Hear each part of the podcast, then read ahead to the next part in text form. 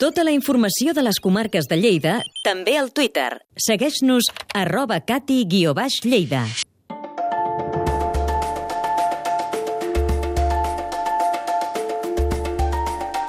Pere Mola, a l'Alt Urgell, celebra aquests dies la seva segona setmana arqueològica. Des del poble organitzen diverses activitats per difondre el seu ric patrimoni històric tan abundant com desconegut. Fins i tot els més petits s'aboquen a la celebració i organitzen el seu propi campament neolític. Ens ho explica des de Peramola l'Eloi Barrera, el muntatge musical és de Ramon Dalmau. Avui viatgem fins a Peramola. Ens perdem pels seus carrers fins que anem a parar a un prat on trobem una desena de nens i nenes prehistòrics fent ceràmica, preparant una cova o pintant pintures rupestres. Avui hem fet una representació del que seria com vivien antigament neolític a la zona de Piramola i aleshores hi havia la canalla representant com, com fèiem la farina, com feien les pintures rupestres, que tenim una representació aquí al, al Roc Rumbau, que és el fil que hem anat seguint per arribar fins aquí.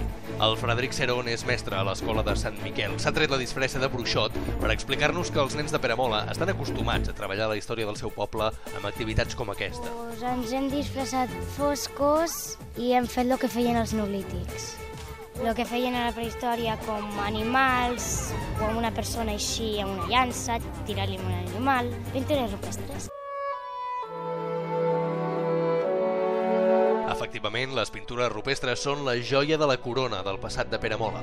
Els nens ho saben bé gràcies al projecte Apadrina el Patrimoni del Departament d'Ensenyament en col·laboració amb un grup d'arqueologia local que està format per joves del poble com l'Anna Bonet. Sí que com que la prehistòria és molt important, vam pensar doncs, quina és la millor manera de que la gent sigui conscient del que hi ha al poble i de conservar-ho que els nens, perquè els nens, sobretot a les zones rurals, són com un actiu molt important. Les activitats infantils són una part d'aquesta setmana arqueològica que també organitza trobades científiques o sessions divulgatives per posar en valor el ric patrimoni històric d'aquest poble sota el pantà d'Oliana. Perquè hi ha jaciments a la muntanya, baumes que es poden anar a veure, que veus des de l'ocupació des de la prehistòria fins a l'època actual al mateix jaciment, i clar, això a nivell didàctic i a nivell de divulgació és molt xulo, perquè hi ha pocs llocs que hi siguin.